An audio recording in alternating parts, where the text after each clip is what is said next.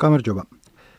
პირველად როცა პარიზის 68 წლის მოვლენების შესახებ აი ბევრჯერ მოვისმინე და ბევრჯერ გავიგე მაგის ხსენება იყო 2012 წელს ციხის ამბებთან დაკავშირებული მოვლენები რო იყო და ვაპირებდი რომ ესე სწრაფად მეთქვა, მაგრამ მე მივხვდი რომ სხვა სხვა ასაკის ხალხი მისმენს და ორი სიტყვით ახსნი რომ 2012 წელს როცა წინა ნაციონალური ხელისუფლების ну, ბოლო წელი იყო, როგორც მე არჩევნებიდან აღმოჩნდა, მაგ დროს იყო რა ციხის კადრები გაგიგიათ, რო გავრცელდა, რასაც მოყვა აქციები და ამ აქციებს ჰქონდა რამდენიმე კერა. ერთ-ერთი ასეთი კერა იყო უნივერსიტეტი და ჩემთვის უნივერსიტეტი რა დი უნივერსიტეტი არის თბილისის სახელმწიფო უნივერსიტეტი ივანე ჯავახიშვილის სახელობის ჯავახიშვილს რომ ამბობენ ხოლმე არ მიყვარს, მაგრამ ნუ არც აქეთ არის არც იქით როგორც არის. მოკლედ, მანდ იყო ერთ-ერთი კერა, სადაც სტუდენტები გამოდიოდნენ რამდენიმე დღის განმავლობაში, იკრიბებოდნენ იქა და მე ვიყავი ხოლმე როგორც ჟურნალისტი ვაშუქებდი მაგ ამბავს. რამდენიმე დიდი აქცია იყო, 2 თუ 3. ერთ-ერთი მახსოვს, რომ იქ ძალიან ბევრი ათასობით ადამიანი შეიკრიბა და მე ფეხით წავედით. რა ქვია, მოდულის შენობა ქვია, გვაჟას ძეგლთან რო არის მანდ და მთელი ამბავი იყო, ქუჩებიც არიელი, ყვირილი. და მაშინ ხა თვითონ ამ აქციას ორგანიზატორი როგორც ესეთი არ ყავდა სტუდენტები იკრებებოდნენ, მაგრამ ნუ იყო ხალხი, ვინც აი ადგილზე რო შეიკრებები, აი ცენტრში რომ დგანან ხოლმე და მაშინ იყო ეგეთი ორგანიზაცია ლაბორატორია 1918. ზოგს ვიცნობდი იქიდან, ზოგი მეგობრის მეგობარი იყო, ზოგი უფრო ახლობელი და ეს იყო აი რაღაც ერთ-ერთი პირველი სტუდენტური გაერთიანება მემარცხენე ორიენტაციის, განსხვავებული ინტერესების და ტიპის ხალხი იყო, ну, ზოგი ესეთი მემარცხენე, ზოგი სხვანაირი მემარცხენე და დღეს ახლა რო გითხრათ ზოგი ისევ იქ არის სადაც იყო ანუ დამოუკიდებელი მემარცხენეა ზოგი აქტივისტია. ნაწილი რა ვიცი პროსამთავრობო მემარცხენეები რო ქვიათ ხოლმე უფრო იქით არიან ზოგი არ ვიცი რა შვება. მართალი გითხრათ ახლა ამაზე გაჩერებას დიდხანს არ ვაპირებ მაგრამ ზუსტად ვინ იყო ამ ორგანიზაციის წევრი და ვინ იყო მომიჯნავე და ისე აბირჟებდა ხოლმე არ ვიცი ზუსტად მაგრამ მემარცხენე ორგანიზაცია მოკლედ რა. როცა იქ ვიდექი უნივერსიტეტის კიბეებზე ძალიან ხშირად მოვისმინე აი ამ 68 წლის პარიზის ხსენება სხვადასხვა კონტექსტში. ანუ ერთ და იგივე აზრი იყო, მაგრამ აი ზოგი მეუბნებოდა სხვაზე, თავის ხელაზე, იქა რომ აი მაგასო, ნუ მაგის ხიბლშია, უნდა რომ ახლა 68 წლის პარიზი იყოს, რომ ნეტაო რა და ის ისიც ვიზაც ამობდა არ უარყოფდა მაინდა-მაინც რა. და ეხლა რა ვთქვი რომ ბევრჯერ ხსენება გაგონილი მქონდა. ვიცოდი რომ რაღაცა მოხდა 68 წელს პარიზში, мама ჩემი ამბობდა ხოლმე ხშირად როცა ითქვა სტუდენტების აქცია იყო, რომ სტუდენტები თუ გაბრაზდნენ, ეგენი დეგოლმაც კი ვერ გააჩერა თავის დროზე და ხო იცი როგორი ძალა შეიძლება კონდეთო. მაგრამ მაგის იქით მაინდა-მაინც არაფერი არ ვიცოდი. ანუ გარდა იმისა, რომ სტუდენტური აქციები იყო და რაღაცა მოხდა. და მე კიდე ბევრჯერ გავიგე მაგის ხსენება, ეხა მარტის აქციები რო იყო, ანუ აი აგენტების კანონთან დაკავშირებით. და მე გადაწყვიტე რომ მეთქე გავიგებ, იმიტომ რომ, რავი, მაინტერესებს. და ეხა მაგას გაგიზიარებთ. ეხა არის ხალხი, ვინც აი ძალიან კარგად იცის რა მოხდა, მან ჩახედულია, გიდებორი აქვს ორიგინალში წაკითხული. ბევრნი არ ახართ ეგეთი, ანუ შეიძლება რამდენიმე ხართ, უმეტესობა არის დანარჩენ ორ ჯგუფში. ერთი რომ ვინც აი დაახლოებით იცის რომ რაღაცა იყო, შეიძლება დრიმერსი გაქვს ბერტოლუჩის ნანახი ან რაღაცა ციგნში წაკითხული სადაც ეგ მოვლენები ხდება და ის ექსმენია, ან შეიძლება საერთოდ არაფერი არ იცოდე. ეს ჩემი სერია არის ამ უკანასკნელ ორ ჯგუფისთვის უფრო განკუთვნილი, იმიტომ რომ ახლა მოვემზადე ბლომად წავიკითხე, როგორც ახლა მას შვები ხოლმე წავიკითხე, უყურე, მოვისმინე რაღაცა მთელი ამბავი, მაგრამ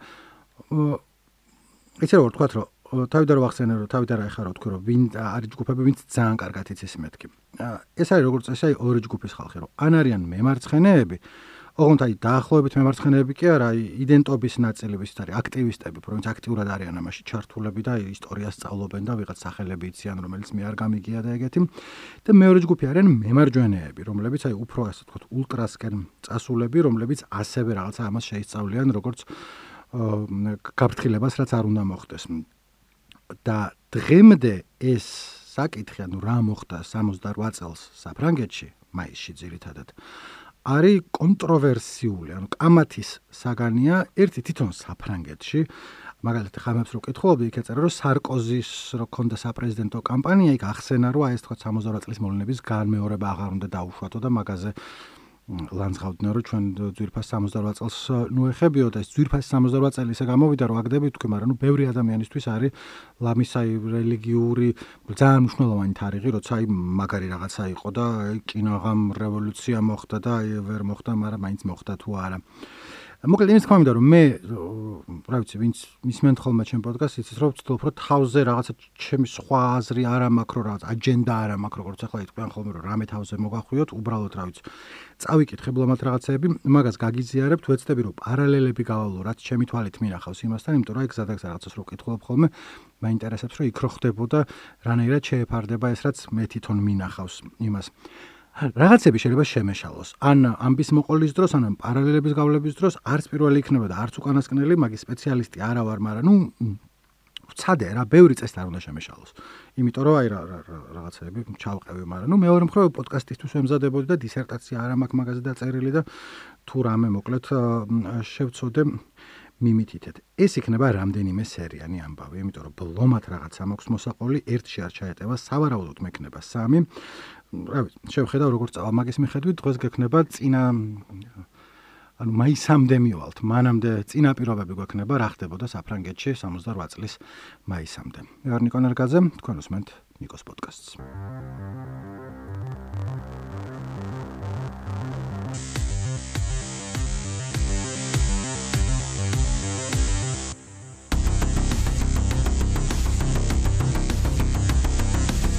რო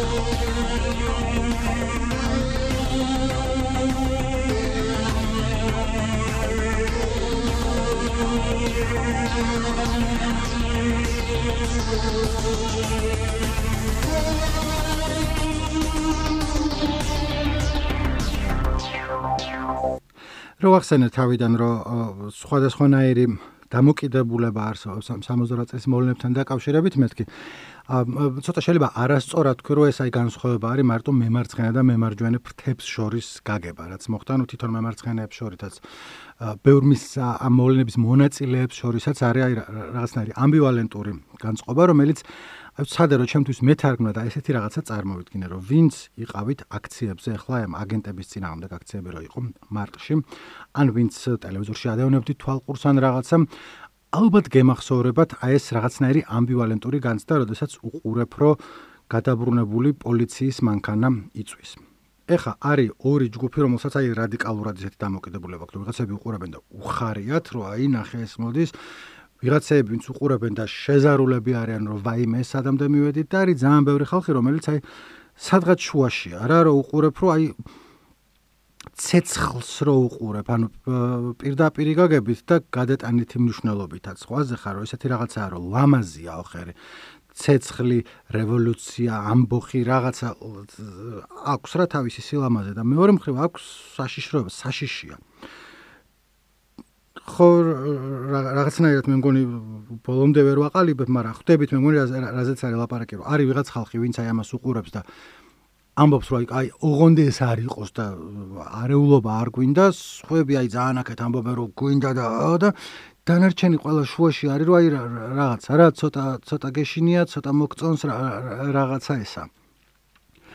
თვითონ აი ამბოხმა იცის ხოლმე ეგ დამოკიდებულება, ძალადობა უცნაური რაღაცაა რა.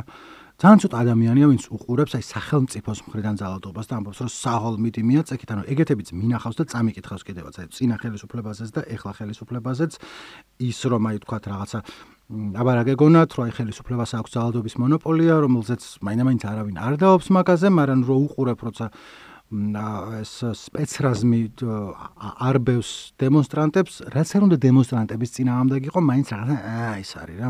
ისევ წინა ხელისუფლებას რომ მოუბრუნდეთ აი 26 მაისის დემონსტრაციის დარბევა რო იყო, ძალიან ცოტა ადამიანი ვიცი, ვინც მაგ 26 მაისის და მანამდე რაც ხდებოდა, იმათკენ იყო, იმიტომ რომ არანაირი მხარდაჭერა ესეთი არც ოპოზიციურ სპექტრში და არც აქეთ არ ქონიათ, მაგრამ ნუ აი როცა უყურებ რომ თავში ურტყამენ და ცემენ და სისხლებია და ხალხი ქუჩაში ყრია, აი არა რა მეორე მხრივ ხა იმას კი არ ვამბობ რომ როცა დემონსტრანტები პოლიციას ურტყამენ ეგ არის ლამაზი მაგრამ ა მაგას რაღაცა ის აქვს ხოლმე რა იგი აი ტაივანში რო უყურებ ან სადღაცა საბერძნეთში ან ისრაელში რაღაცნაირად იმას შვები, რომ აი ისა რა ცეცხლის მეტაფორა რომ მოვიყვანოთ, რომ თან შეიძლება საშიში იყოს და თან გელამაზებოდეს ხოლმე.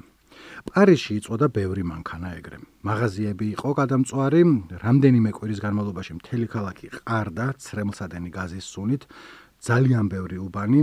იმ მოვლენების, ანუ ახლა რასაც მე მოვყვები. შემდეგ სერიაში ძირითადად ახლა წინასწარი ის ამაკ, მაგრამ მაინც ერთ-ერთ იმ მოვლენების ერთ-ერთი სიმბოლო არის ლიმონი.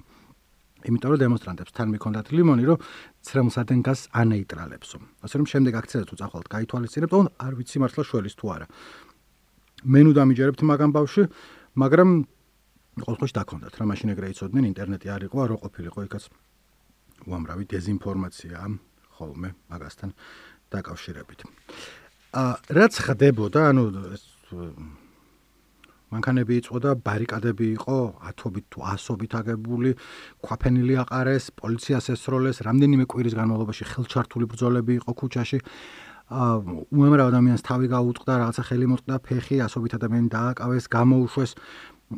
საბოლოო ჯამშიც მოლოდნელ უსისხლოდ დასრულდა. ორი ადამიანი დაიღუპა ერთი თვის განმავლობაში მიმდინარე დაპირისპირებებს შორის. ორივე დაიღუპა იმების მეამბოხეების გამო თუ ხელით, ანუ ერთი იყო რომ პოლიციელს დაეჯახა მანქანა, მანქანაში არავინ არის და მათ დააგორეს და იმას მოხდა და მეორე ვიღაც ტიპი დანით დაჭრეს რაღაცა ჩხუბის დროს თვითონ დემონსტრანტებს შორის. მაგრამ საბოლოოში მოხდა ის, რომ აი რასახელი დაარქვა ეგეც რთულია, რომ ამბოხი იყო, აჯანყება იყო თუ რევოლუცია, იმიტომ რომ ძალიან ახლოს იყო საფრანგეთი მთავრობის დამხობასთან ან სამოქალაქო ომთან. ანუ სერიოზულად ძალიან ახლოს იყო, წკიპზე იყო. დღევანდელი გადმოსახედიდან კიდე შეიძლება ჩანდეს, რომ ართლად ეგრე იყო, მაგრამ იმ წუთას ყველა ეგრე ფიქრობდა ქვეყნის მეტაურიდან დაწყებული ქუჩაში მებრძოლი სტუდენტები დამთავრებული. ანუ ყველა იყო, რომ აი ეხლა გადაბრუნდება ყველაფერი. ოღონდ რისთვის ბრუნდებოდა, ვინ ამხობდა და ვის ამხობდა? ეგ არის ძალიან რთული გასაგები, ან მაგას მოგიყვებით ყველაფერს, მაგრამ ძალიან ეს არ არის რა, რომ ცალსახად აი ვიღაცას ესუნდოდა და ამიტომ ეს ხდებოდა. აა მოდი თავში მინდა რომ ერთ სიმღერა მოგასმენინოთ რომელიც კიდევ ერთხელ ხას უსვამს რამდენ მნიშვნელოვანი იყო ეს მოვლენები და როგორც დღემდე აქვს გამოხმაურება ძალიან ბევრი ადამიანის გულში. სიმღერა არის 2010 წლიდან. არის ესპანურად ისმაელ სერანოს პაპა კუენტამე otra vez. რაც ნიშნავს ქართულად პაპა, კიდევ ერთხელ მომიყევი. და ნუ ესპანურად არის, არც ესპანური იცით თუ არა, მაგრამ რომც არის წოდეთ, თავიდან რამდენიმე იმას წამს გავუშვებთ. დიდხანს არ მოგასმენთ, ისეც არ არის ძელი სიმღერა, მაგრამ ბევრ სიტყვას გაიგებთ და მე გითარგმნით და გეტყვით რაზე არის ლაპარაკი. ანუ რაზე არის ლაპარაკი და 68 წლის მაისის მოვლენებზე ლაპარაკი, мама კიდევ ერთხელ მითხარი.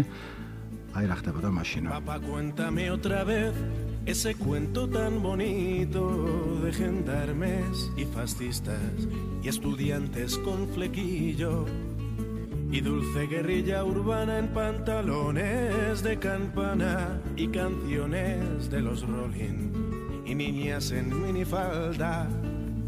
Papá, cuéntame otra vez todo lo ანუ ამის შინ არსია რომ მამა კიდევ ერთხელ მომიყევი ეს ლამაზი ჟანდარმებზე და ფაშისტებზე და გრძელთმიან სტუდენტებზე და ამ ტკბილ ქალაქის ომზე სადაც მონაწილეობას იღებდნენ შლაქსებიანი ბიჭები და მოკლე კაბიანი გოგოები და როლინგ სტოუნზის სიმღერებზე.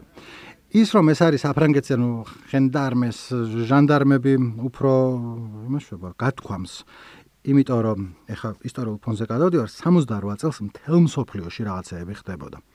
ანუ მთელ მსოფლიოში რა რო ჩამოყვეს ამერიკაში მანამდე იყო დაწყებული, ცოტა მერე იყო პრაღაში, მადრიდში იყო, მექსიკაში იყო, ბრაზილიაში იყო.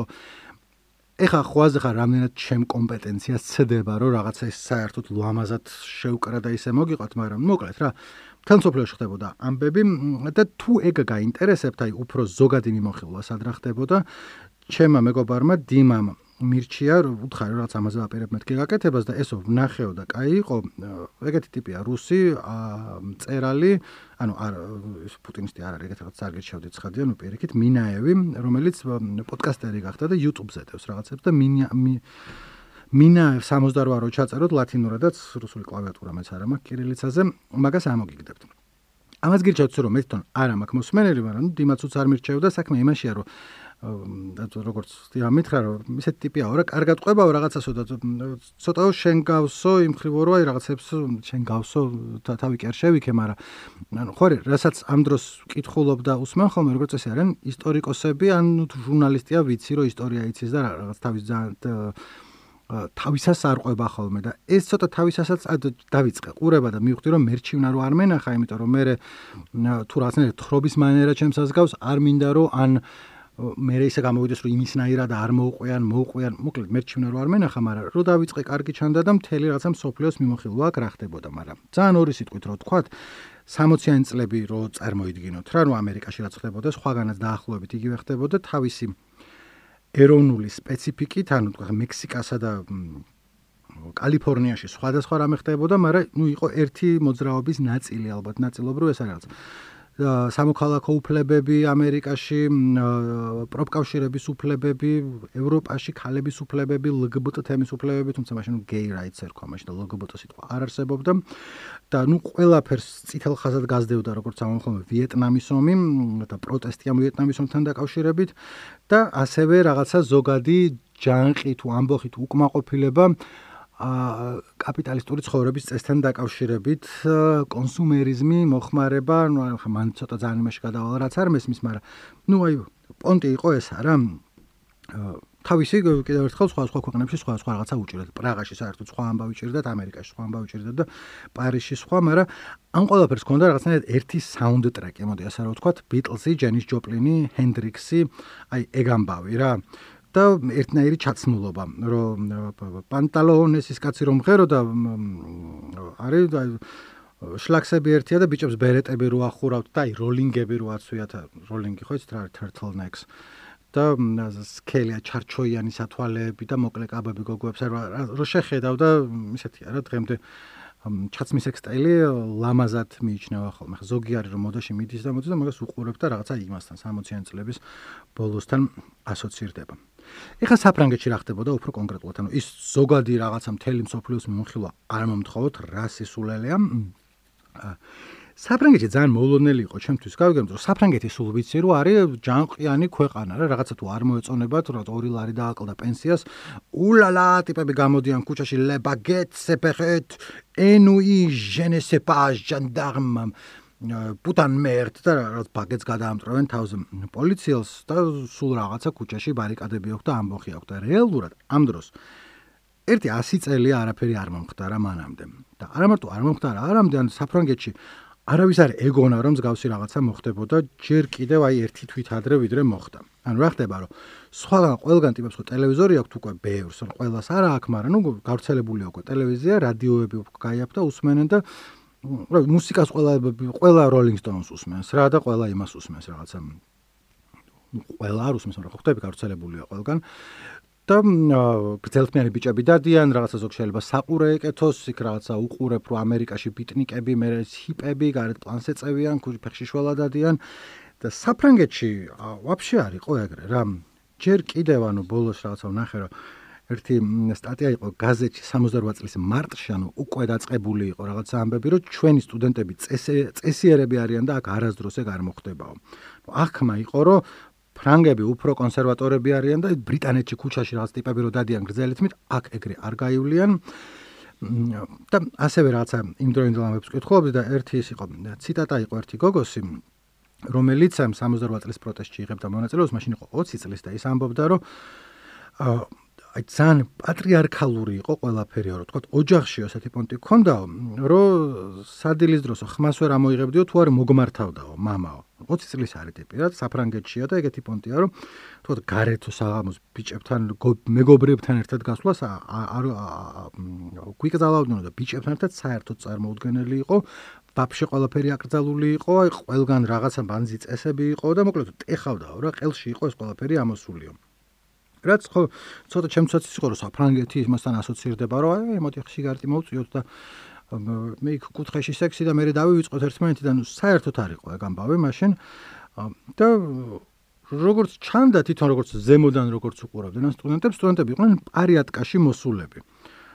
ყველა წესიერი თმას იკრიჭავს და რაღაცა. ოჯახი, ეკლესია წავედით აქეთ წამოვედით. თან ამას ერთვოდა ის, რომ ქვეყანაში იყო ეკონომიკური აღმავლობა ბევრი წლის განმავლობაში. ანუ კაი დიდხანს თორსებიას 30 დიდებული წელი თუ რაღაცა ესეთი ქვია, რომლის დროსაც უმუშავრობა თითქმის არ იყო, ანუ ყველა სამუშაო ქონდა და თითქოს რაღაცა შემოსავალი იზრდებოდა, საჭმელი და სასმელი არაკლდათ, შემწვარი და მოხრაკული და პლუს ამას პოლიტიკურად საქმე იყო დაალაგებული. ანუ ამ დროს 68 წელს ქვეყნის სათავეში იყო შარლ დე გოლი უკვე 10 წლის განმავლობაში. შარლ დე გოლი იყო მეორე მსოფლიო ომის დროს საფრანგეთის რეზისტანს წინააღმდეგობის სახე, რომელიც ომის დამთავრების მერე ცოტა ხანი იყო სათავეში და მე თქვა რომ მე არ მინდა ეს ბაზარიო წავედიო და მე 58 წელს მოუწია დაბრუნება, იმიტომ რომ თხოვეს ქვეყანა იყო რა სამოქალაქო ომის ზღვარზე ალჟირის ომთან დაკავშირებით და მთლად ეხა სუპერ კონსტიტუციური გზით არ მოსულა რა რაღაცა ესეთი ამბავი იყო რა ნახევრად დემოკრატიული პროცესი, მაგრამ მოკლედ მოვიდა სათავეში იყო არჩევნებში, გამოიმარჯვა და დიდი ხნის განმავლობაში დეგოლი, რომელიც მაშინ აბოლდენ სულ ბებერია, ხა ამერიკას უფროსი პრეზიდენტი ყავს და მანამდე 72-ის თუ რაღაც არ არ მიწარია, რამდენი წლის იყო, მაგრამ ნუ ითვლებოდა რომ ბებერია ტიპი და მაინც ამ დროს ოპოზიცია მაინდა მაინც არ ყავდა. იმიტომ რომ ძირითადი ოპოზიციური პარტიები ვინც იყვნენ მარცხნივ ძირითადად ყველანი ერთმანეთთან სულ ჩხუბობდნენ, რაღაცა იშლებოდნენ, იმასშობდნენ სამი პარტია იყო სხვადასხვანაირი სოციალისტები.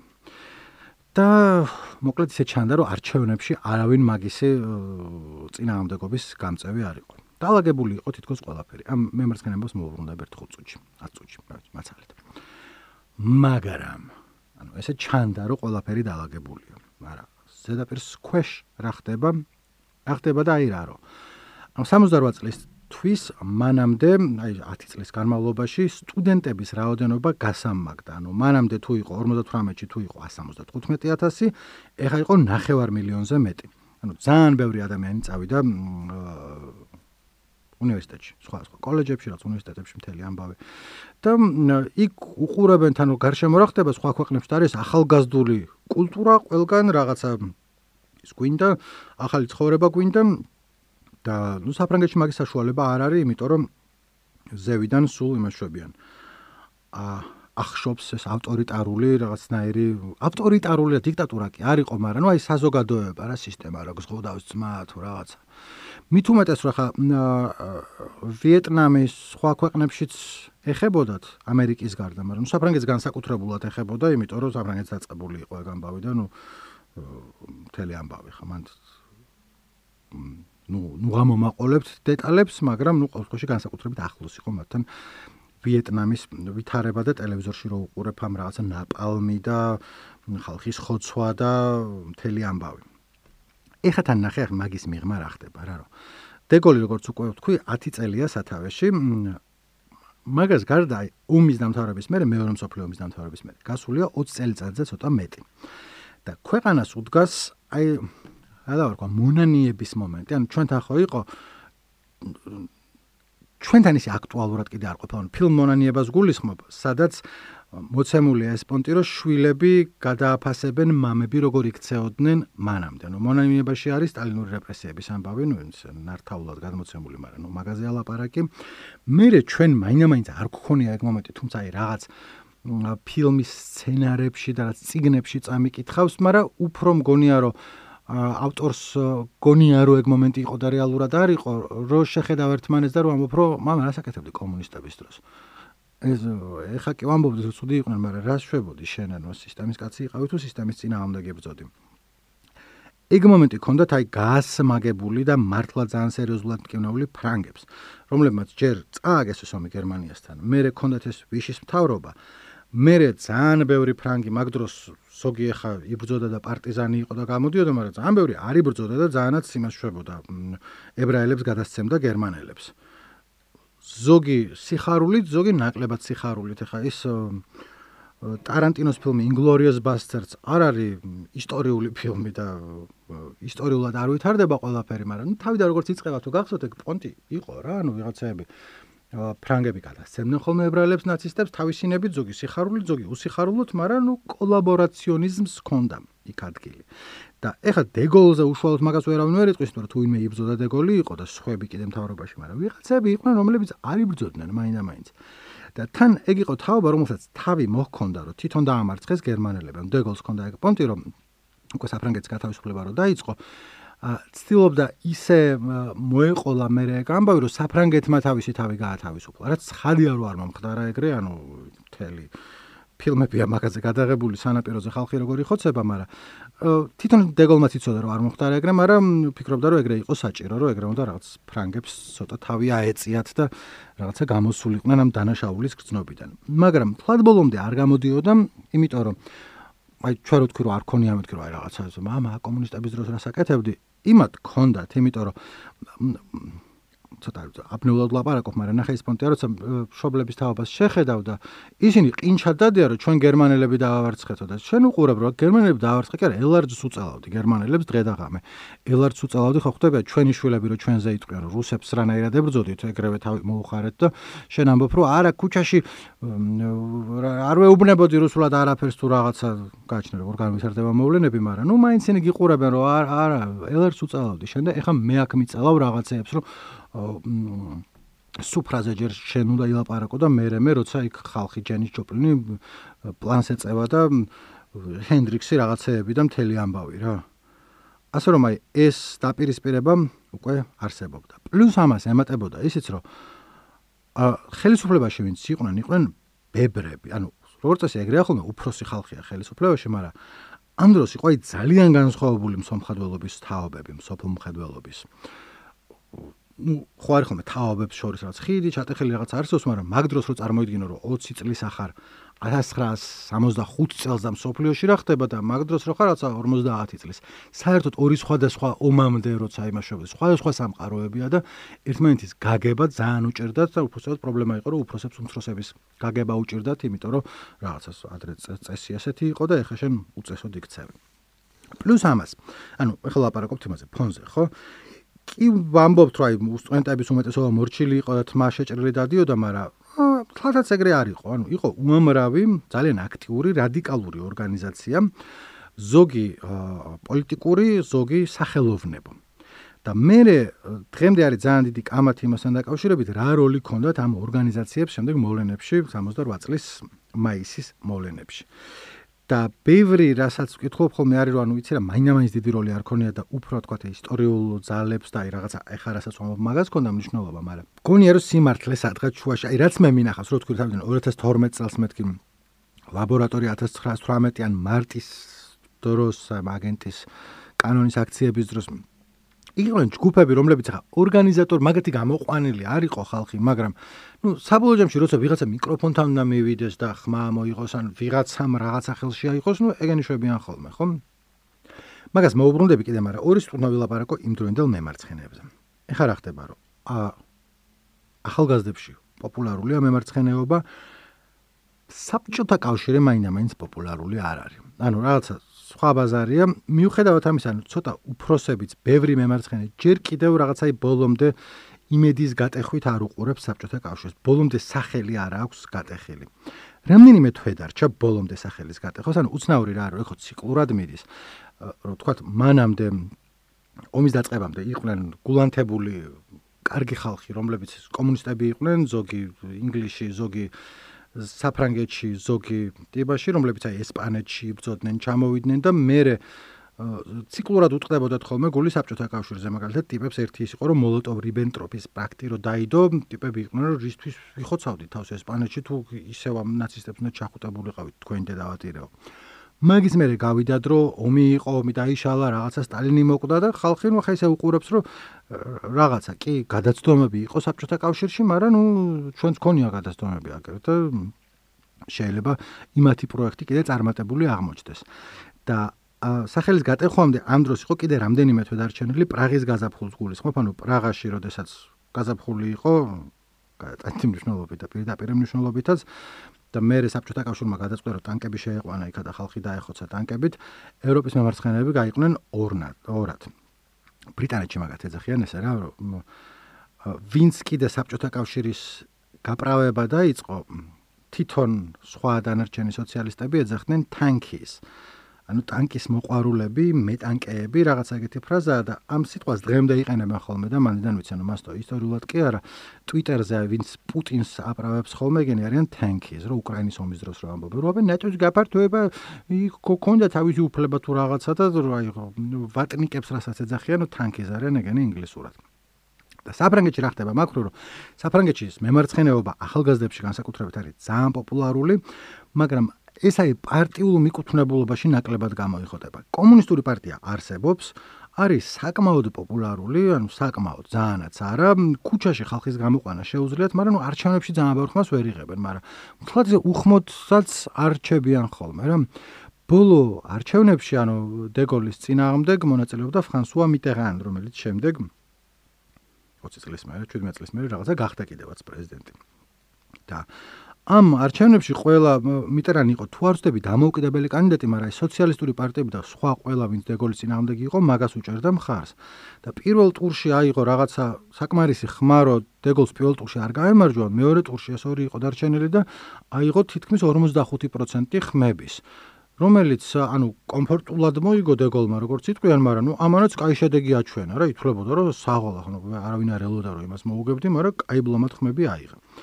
და დანარჩენი კომუნისტები მერე არჩევნებში 20% თუ რაღაცა ეგეც აიღებენ, მაგრამ ნუ ნუ აიც კომუნისტები იყვნენ. ანუ არც ისე ქონდათ სახელი გატეხილი, მაგრამ უმეტესობას კომუნისტები არ ევასებოდა.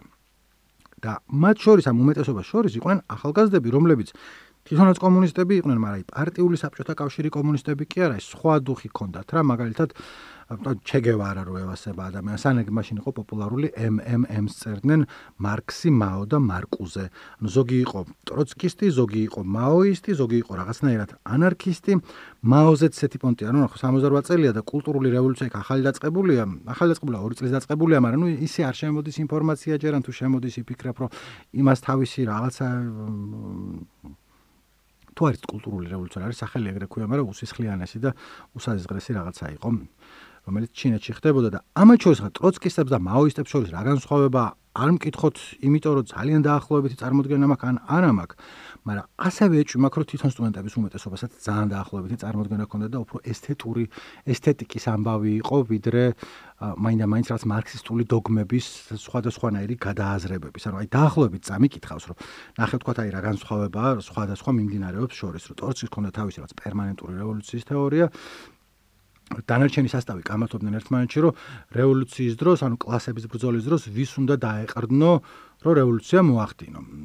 თქვათ, აი თვითონ მაოზე ვკითხულობდი, რომ ჩინეთში იყო ესეთი კამათი, რომ მე მგონი ორთოდოქსული მარქსიზმია, რომელიც ამბობს, რომ უნდა დაეყრდნო პროლეტარიატს. პროლეტარიატი არის მუშათა კლასი და თქვათ არ დაეყრდნო გლეხებს, იმიტომ რომ გლეხები ჩამორჩენილები არიან, პოლიტიკურად თვითშეგნება არ აქვს, რა მაგდენი არ ესმით, მოკლედ ტრადიციონალისტები არიან და ამიტომ ეს მუშათა კლასმა უნდა გააკეთოს ეს ყველაფერი. და მაო ამბობდა რომ არა გლეხებს უნდა დავეყრდნოთო იმიტომ რომ მან ჩინეთში რას თავისი დვიჟენია ჰქონდათ.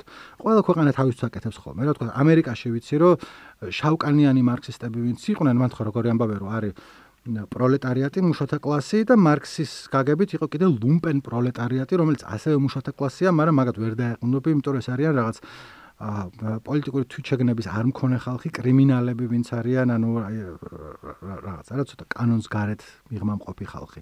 და ამერიკელი შავკანიანი მარქსისტები ამბობდნენ, რომ ჩვენ თუ ჩვენი რაღაცა იმის მიღწევა გვინდა, სწორედ ამ ლუმპენ პროლეტარიატს უნდა დავეყრდნოთ, იმიტომ რომ თუ გეტოში არ გავედით, თუ იქ ვიღაცა ფიმპს არ დაველაპარაკეთ და თუ ჰასლერს არ დაველაპარაკეთ, რა აზრი აქვს? ანუ ეგენი უნდა მაგათ უნდა აუხსნათ, რომ ისე არიან როგორც არიან, იმიტომ არიან ისე, რომ სისტემა ჩაგრავს და უნდა რაც გადმოვიყვანოთ ჩვენკენ და მოკლედ, ეხლა ძალიან გავწდი, ძალიან გავწდი ჩემს კომპეტენციის სფეროს.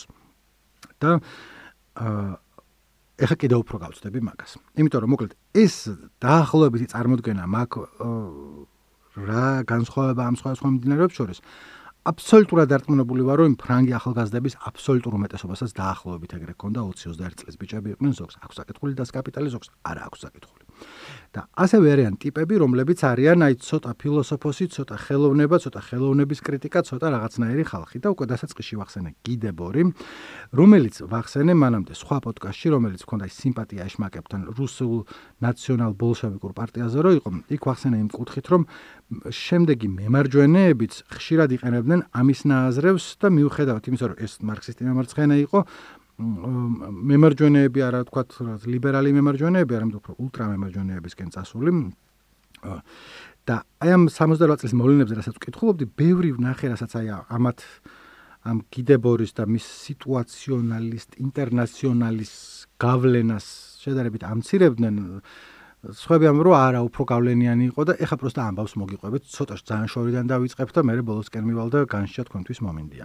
მოკლედ.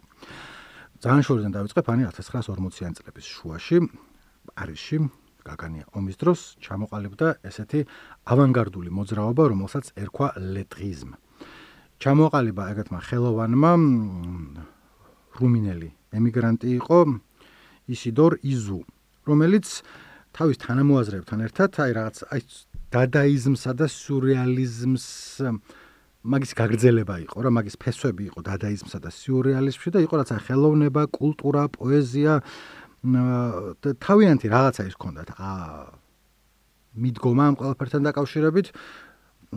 რომელსაც ვერ აგიხსნით იმიტომ რომ ნუ ავანგარდული ხელოვნების მიმდინარეობა იყო.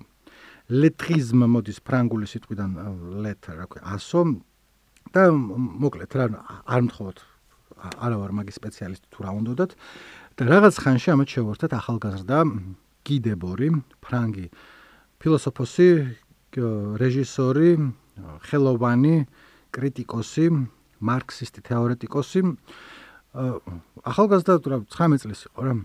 და იქ რაღაც აქტიური იყო ამ ლეტრისტებში და შემდეგ ეს ლეტრისტები დაიშალნენ რამდენიმე ნაწილად, იმიტომ რომ ისიდორ იზუზე ამბობდნენ, რომ ძალიან დიქტატორიაო და თავისით რაღაცა იმას შვებაო და ერთ-ერთი პირველი სქიზმა, რომელიც გამოვიდა გარეთ, რომ ესენი დაუპირისპირდნენ ერთმანეთს, იყო 1952 წლის ოქტომბერში, როცა პარიზში იყო ჩასული ჩარლი ჩაპლინი, გაგიდიგეთ ალბათ, ცნობილი მსახიობი და ლეტრისტების მემარცხენე ფრთამ ჩაშალა მისი პრესკონფერენცია.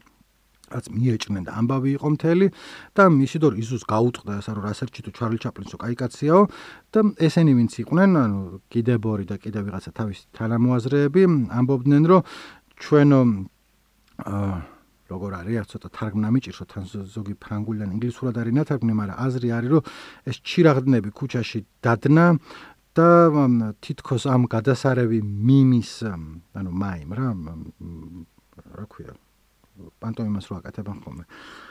სახეზე მაკიაჟი ჩამოდგაბნულია, ჩვენ უკვე ხედავთ ბებერ კაცს, რომელმაც თავისი მნიშვნელობა დაკარგა წადი სახში ბატონო ჩაპლინ.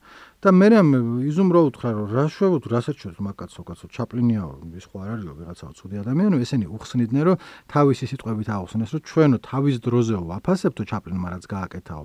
მაგრამ დღესო სიახლეო სხვა რამეშიაო და სიმართლე, რომელიც აღარ გართობს, უკვე სიცრუეაო, იზუს სიტყვები არის, რომელიც უკან მოუბრუნეს. და თავისუფლების მთავარი ექსერსაიზი, ანუ თუ თავისუფალი ხარ, მაშინ კერპები უნდა დაამსხვრიო. ეს ხარ, რატო ავჩერდი ამაზე ამდენ ხანს არ ვიცი, მაგრამ ნუ აი რაც მთელი ეგეთი ამბავი იყო რა. რას დაპირისპირებები რომ ჩარლი ჩაპლინს უნდა ეჩხუბონ თუ არა. და აი ეს იყო ერთ-ერთი რის გამოც ლეტრისტები დაიშალნენ და ჩამოყალიბდა რამდენიმე ორგანიზაცია, ერთ-ერთი მათ შორის იყო ლეტრისტ ინტერნაციონალ, ანუ ლეტრისტების გამოყოფა, რომელიც იყო ამ კიდებორის და კიდე რა ვიცი ორი კაცის გაკეთებული და შემდეგ ამათ ჩამოაყალიბეს სიტუაციონისტ ინტერნაციონალ. თავიდან ეს ლეტრისტ ინტერნაციონალზე გადმოდივარქვა ეს ისიც ორი დავივიწყეთ ესენი იყვნენ როგორც თვითონ რო თავიანთი აღწერა იყო რომ ზოგი არის მწერალი ზოგი ხმოვანი პოეტი, საუნდ პოეტ, არ ვიცი ეგ რა არის, ზოგი მხატვარია, ზოგი რეჟისორია, ზოგი რევოლუციონერი, ზოგი ბოჰემელი, ზოგი ალკოჰოლიკი, ზოგი კრიმინალი, ზოგი გიჟი, ზოგი არასრულწლოვანი გოგო და რას თვითონ უწერია წერდა. წარმოვიდგენე რომ მართლა ეგეთი სასტავი იყო ბოჰემური. 50-იან წლების ბოლოსკენ მაინდა-მაინც მათ შესახებ ანუ სოფლიოში იცოდნენ კი არა საფრანგეთს ანუ ისეთი იყო რა არტ გაერთიანება იყო რაღაცნაირი ავანგარდული ალბათ გაასწორებდა იქ რო ყოფილიყავი ან არ გაასწორებდა გააჩნია რამდენად გიზიდავს ტიპები რო შეხედან და ხელოვნებაზე ლაპარაკობენ მარქსისტული კუთხით. და ითქვათ მაგდროინდელი რატო არ დამეზარა მაგრამ კიდევ ორ ორი ფილმი გადაღებული. ერთი არის ამ ლეტრისტ ინტერნაციონალის ფარგლებში და ქვია ფრანგულად ვერ ვიტყვი მაგრამ ყმუილი დესადისთვის და არის ავანგარდული ფილმი, რომელიც YouTube-ზე დევს და შეგიძლია ნახოთ, მაგრამ თავიდან ბოლომდე ალბათ არავის არ აქვს ნანახი, იმიტომ რომ ფილმი არის ეგეთი, რომ არის ორი კადრი. თეთრი და შავი. ანუ ასეთი თეთრი მარტო თეთრია და მარტო შავია, არაფერს სხვა არ ჩანს. და როცა ლაპარაკია ფილმში, მაშინ თეთრია და როცა არ არის ლაპარაკი, არის შავი. ანუ ლაპარაკი რაღაც კი არ ხდება იქ, რაღაც ტიპი კითხულობს რაღაცებს ფრანგულად, როგორც ნახე ზოგადად ჯეიმს ჯოისის ფრაზებია, რაღაცა ისიდორ იზუს ციგნიდან გამონათქვამები მოკლედ. რაღაც წინადადებებია ფრანგულად ამ დროს არის თეთრი მე სიჩუმეა და არის შავი და რაც დრო გადის და ეს მთელი ფილმი ერთ საათიანია დაახლოებით შეიძლება დანაკლები უფრო და უფრო მეტი სიჩუმეა და ბოლოს თავდება იმით რომ 24 წუთი არის შავი კადრი და სიჩუმე. ну თავიდან ბოლომდე ცხადი არ მინახავს YouTube-ზე ვნახე და მეთქე აღო და ამისი პრემიერა რომ მოხდა 52 წელს სმენელი აღშფოთდა ბოლოს და ერთი 20 წუთის მერე შეწყვიტეს ფილმის ჩვენება, იმიტომ რომ არავის არ უნდა ჩუმად მჯდარიყო და 24 წუთის ჩუმისთვის ეყურებინა. ცხადია ამას რომ იღებდნენ, ანუ კაი ფილმი გავაკეთე არ იყო, უფრო ასნაირი ხულიგნური განცხადება იყო და ალბათ მგონია რომ თვითონაც იცოდნენ რომ სირობაა, მაგრამ ნუ და თან რაღაცა ის იყო. და მე მოკლედ ამ ლეტრისტების ლეტრისტ კონტრ ლეტრისტ ლეტრისტ ინტერნაციონალ და მე ამათგან ჩამოყალიბდა აა სიტუაციონისტ ინტერნაციონალ. ეგეც კიდევ ორი იყო, რომლებიც რაღაცა ზოგს ხულიგნურად იქცეოდნენ ხოლმე აა სხვა სხვა ჰეპენინგებს აკეთებდნენ და 67 წელს, ანუ ამ ყველაფერ 68 წლამდე ერთი წლით ადრე მიხვდებოდა 67 68 წელს. ერთი წლით უსწრებს წინ. კიდებორმა დაწერა თავის ალბათ ყველაზე მნიშვნელოვანი წიგნი, რომელსაც ქვია Society of the Spectacle, ინგლისურად სპექტაკლის საზოგადოება, რომელიც არის რამდენიღაც რაღაც აფორიზმი თუ რაღაცა ჩამოწერილი თეზისებად. არა მაქვს წაკითხული მე მეორე ფილმი გადაიღო თქვა რომ თქვა ამის მიხედვით არის გადაღებული, მაგრამ ეგ არის მე 60 წლების მერე არის გადაღებული. და ეხა ამ ფილმის ამ ციგნის შინაარს ნუ ამახსნევით, მაგრამ დაახლოებით რაც წერია არის ის, რომ სკიდებორი ამბობდა, რომ ნამდვილი სოციალური ცხოვრება ჩაანაცვლა რეპრეზენტაციამ ცხოვრების. ანუ ხო არის რაღაცა ნაღდი, რაღაცა გაქვს, ცხოვრობ და ეხა გაქვს ამ ცხოვრების რეპრეზენტაცია, თითქოს ცხოვრობ, აჩვენებ რო ცხოვრობ.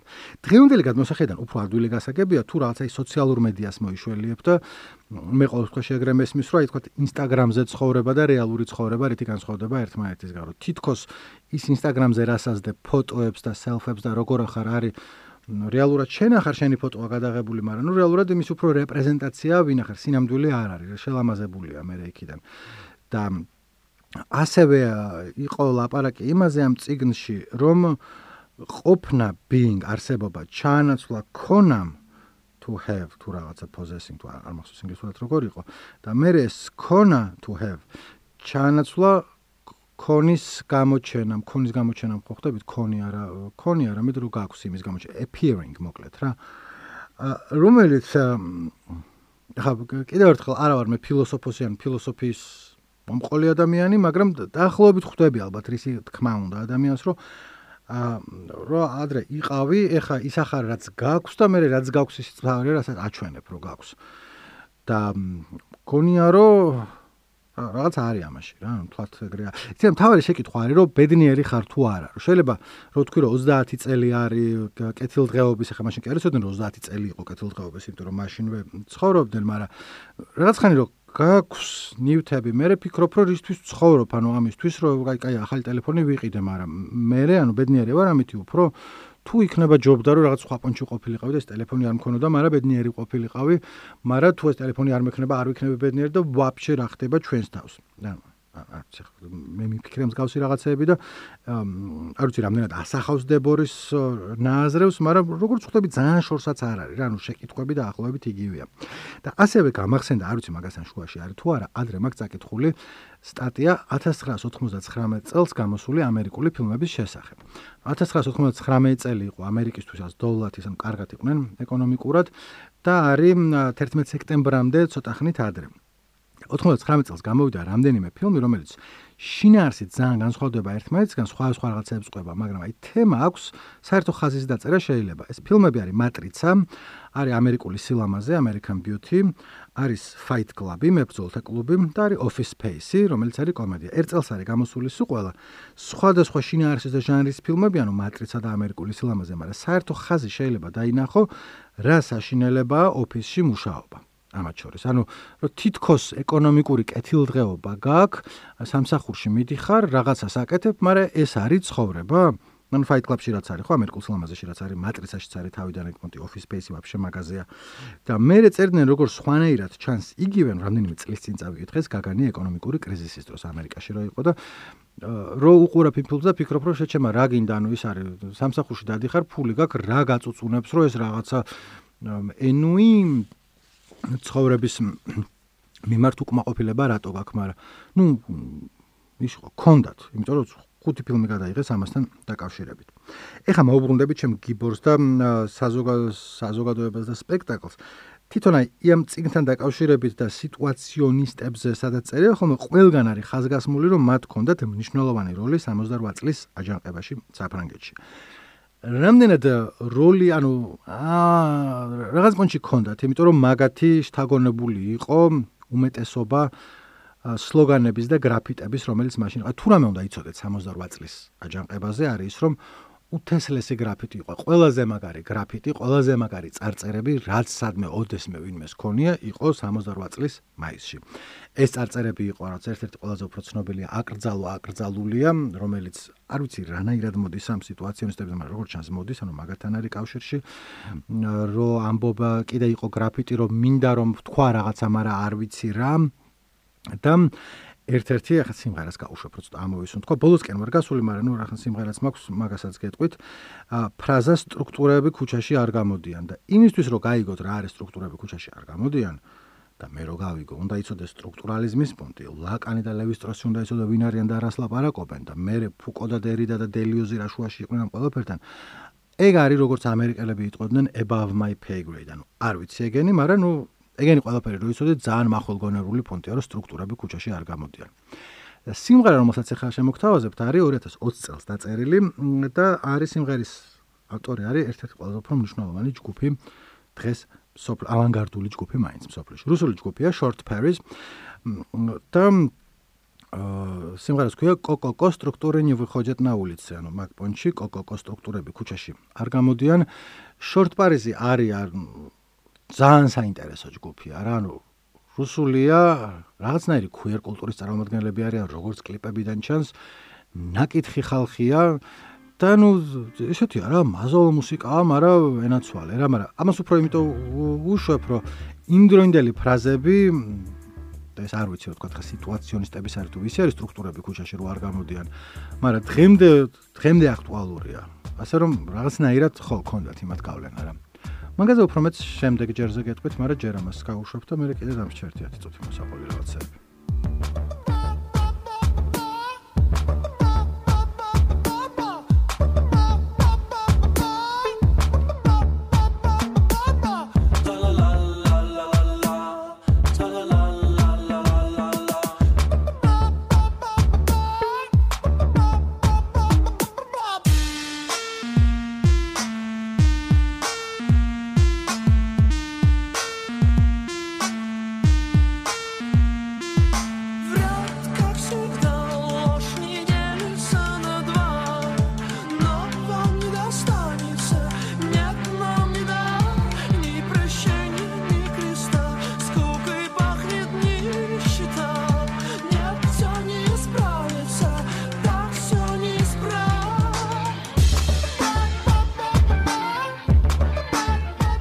ბოლომდე კი არ უშვებდა რაღაცა უბრალოდ ამასონ თქვისთვის გავუშვი და ნუ ხო გითხარით რატომაც თავიდან რომ ახსენე რომ შეიძლება თქვა აი 68 წლის მოვლენების შესახებ რაღაცა ფილმებიდან ან რამე ეგეთთან კონდეთ წარმოდგენა მეთქი ერთ-ერთი ფილმი რაც შეიძლება ბევრს გინახავთ არის ბერნარდო ბერტოლუჩის მეოცნებები dreamers.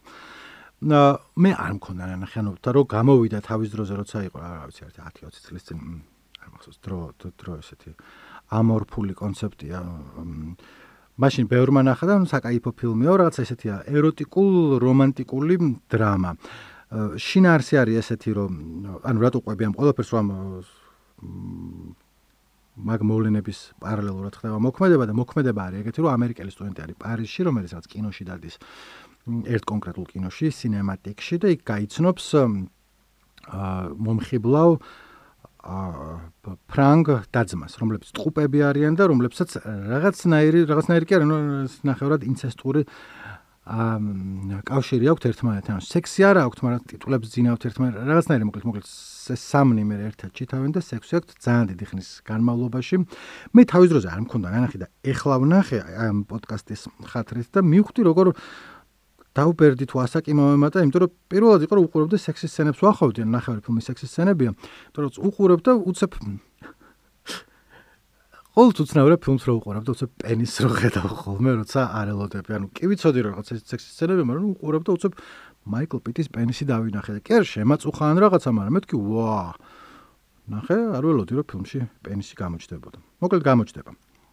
აა ორჯერ თუ აღარ დამითვლია მე შეიძლება მეჯერ არის გადავახვიე ორი ვერსია ამ ფილმის ანუ ერთი არის ამერიკულად NC17 17 წლამდე რო არ უნდა ნახო და მეორე არის R-rated განსხვავება ამ ორ შორის არის 3 წუთი და როგორც ჩანს 3 წუთია როცა განსაკუთრებულად რაღაცა ის არის აპკს რო ჭამს მაიკლ პიტის გმირიგ დასაწყისში ამ ფილმის ხდება ესეთი მოვლენები რა რომ სინემატიკში გაიცნობენ მეთქი ერთმანეთს სინემატიკი იყო რეალური ადგილი რომელიც იყო რაღაცა კინოჩვენების, კინომოყვარულთა შეკრების და რაღაცა მთელი რაღაცა ეგეთების ადგილი, ადგილი ვთქვი ორჯერ, მაგრამ ნუ ვეღარ ჩამოყალიბე ლამაზად, რომელსაც თავში სათავეში ედგა ეგეთი ტიპი ანრი ლანგლუა, ლანგლოის იწერება. და მოკლედ ამ სინემატიკში გაიზარდა თუ ვინმე ფრანგი, ვინმე გაგიგიათ კინოსთან ახლოს რო გაუვლია ყველა მანდ. ისეთი რაღაცნაირი ტიპი იყო, რომელიც ყველანაირ ფილმს აჩვენებდა, რაც მან დადიოდნენ, მან აღიზარდა ხალხი. და ბოლოს რამდენიმე წლით ადრე ამ მოვლენებამდე ეს დაწესებულება გადავიდა კულტურის სამინისტროს დაქვემდებარებაში. ხონდის კულტურის სამინისტრო მენემეს თეატრულუკიანი არისო, ანდრე მალრო მალრო იყო სათავეში, რომელიც ასევე პარტიზანი იყო ომის დროს, წერალი ცნობილი და მოკლედ 68 წლის თებერვალში მალრომ სინემატიკიდან მოხსნა ეს ტიპი რა, ანდრე ლანგლუა მიზეზები იყო რაღაც ქონდა რა მოკლეს მიზეზები რომ ერთი რომ ამას რაღაცა სამსახურში დიქტატორული სტილი ქონდა და ვიღაცაებთან ჭუბში იყო ჩართული. მეორე რომ რამდენიღაცა ასეული ფილმი დაკარგა იმან მაგრამ მესამე იყო რომ ეს ამ ტიპის გაკეთებული იყო ეს სინემატიკი და ძალიან ბევრი ადამიანი პატიოს სცემდა და ძალიან დიდი ბევრი ადამიანი იყო რომ ეს რომ მოხსნეს რაღაც ამ ადგილის თავდაცვის კომიტეტი ჩამოყალიბდა, რომელშიც შედიოდნენ, რა ვიცი, რობერტ ბრესონ, კლოდ შაბროლ, ჟან-ლუკ კოდარ, ერიკ რომერ, ფრანსუა ტრუფო, ანუ რაღაც ყველა ვინც იყო საფრანგეთში ტიპები შეიკრიბნა, თქვენს რომ ეს ტიპი დააბრუნეთო უკანო რა რას უშვებთო იქო.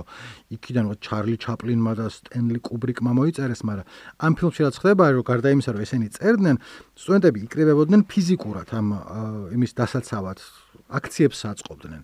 და აქციებს რო აწყობდნენ, პოლიცია მოდიოდა და ამათ თავყბას უერთიანებდა, ანუ სუ კომბლებს ურტყამდა და გადით აქედან, გადით აქედან და რადო ყვები ამ ყველაფერს რომ ეს ითვლება რომ აი ერთ-ერთი პირველი აი ვულკანი რო აფეთქებას იწყებს და რაც პირველი რაღაცა რო ამოვიდა იქიდან რომ არც ამის გამო მომხდარა არაფერი მაგრამ ერთ-ერთი პირველი მაჩვენებელი იყო რომ აი დაპირისპირებები ხდება სტუდენტები გამოდიან ქუჩაში ერთი სული აქვს რომ ქუჩაში გამოვიდნენ და ასევე აქ ჩანს ფილმში ჩანს კარგად ეს რაღაცნაირი ამბივალენტური დამოკიდებულება იმ სტუდენტების მიმართ, რომლებიც ქუჩაში გამოდიან. ანუ ერთი მხრივ რო უყურებ გარედან არიან, აი, რავი, ლამაზ სტილში ჩაცმულები როლინგების, ქელისათვალე, თვითონ ფილმი ამ ტიპებს აღწერს ცოტა პოზიორებად რა რო აი რაღაც რო ლაპარაკობენ რო გოდარი ო გოდარი ეს არის მაშინ გოდარი მართლა ის არის გოდარია იმ დროს იღებს რაღაცა ფილმებს. მაგრამ მოკლედ ეს ტიპები დადიან რომლებიც რაღაც მაოზე და ჩეზე და გოდარზე და რაღაცებზე ლაპარაკობენ ეს ლაპარაკობენ რა გულით კი არა რამე იქ რო უნდათ რომ იყვნენ. რაც ფილმის პონჩი ცოტა უსინდი ცოტა სამართლიანად არ მეჩვენება არა იმიტომ რომ რასაც მე ეგეთ სიტუაციებში ყოფილ ვარ საქართველოში რომ თან მართალია თან არ არის. ანუ რომ წარმოვიდგინო 20 წლის ინტელექტუალები რომ დგანან ზოგი მართლა არის ინტელექტუალი და უმეტესობა არ არის იქ. აა ხო და ნუ მოკლედ რა ფილმი თუ გინახავთ მანდ ეგ ხდება. აა ლანგლო დააბრუნეს. ანუ 1968 წლის აპრილში თქვენს რომ კაიო დაბრუნდიო უკან იყავიო მაგრამ რო დააბრუნეს ასე ვთქვათ ანუშკას უკვე ზეთი ქონდა დაღვრილი პარიზის გარეუბანში მდებარე ნანტერის უნივერსიტეტის სტუდენტებმა უკვე ითხოვეს რომ საღამოობით გოგოების ნახვის უფლება მოგვეცით თუ ანუ არ ქონდათ უფლება და იქნებაო საღამოსო რაღაცა გოგოები ბიჭები ერთად შევიკრიბოთ და იქნება we apple night to get lucky გავაკეთოთ. ხელმძღვანელობა მოთხრა გოგოები კი არა თქვენ გიტირებთ ახლა ყოფასო და კომბლები ჩასცხო თავში. ხო და პასუხად ლამის მთელი ქვეყანა ჩამოიქცა. სერიოზულად ლამის თავრობა დაამხეს და ვინ მოდიოდა სათავეში მაინც არც არავინ არ იცის, მაგრამ ეგ ამბავი იყო. მაგას შემდეგ ჯერზე გავაგრძელებ, იმიტომ რომ ნახე ამდენი ხანი ველაპარაკე. და დაგიტოვებთ ლეო ფერეს სიმღერას L'été 68. გადასარევი ფრანგული აქცენტი მაქვს. ქვია 68 წლის ზაფხული, რომელიც შინაარსია, შინაარსი არის ტექსტია ესეთი, რომელიც ფრანგულიდან ინგლისურად არის ნათარგმნი, მაგრამ იმედი მაქვს, რომ სწორია. ზაფხული როგორც ბავშვი ზურგზე მაზის, ცოტა ესე გამომდის. აა რუსულად გახმოვანებულ ფილმს თუ უყურებ და მიუზიკლი თუ არის და მუსიკაზე გარშემო ტიპი რო ლაპარაკობს, რა ხდება შეგნით? მაგრამ მოკლედ ზაფხული ზურგზე აზის ამას და ძალიან მძიმეა ბავშვი და მთელი ზაფხული ციკადების გარეშე და მაისის ბავშვები დაბრუნდებიან შემოდგომაზე და 1789 წლის ზაფხული, ანუ რევოლუციის წელია ესა და ბოლოს ყველაფერი კარგად იქნება, ყველაფერი კარგად იქნება, ყველაფერი კარგად იქნება. აა ეს არის 69 წელს დაწერილი სიმღერა.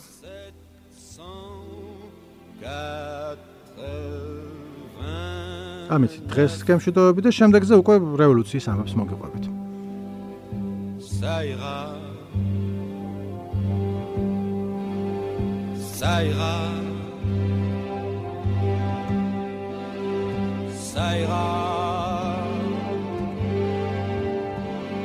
ça ira.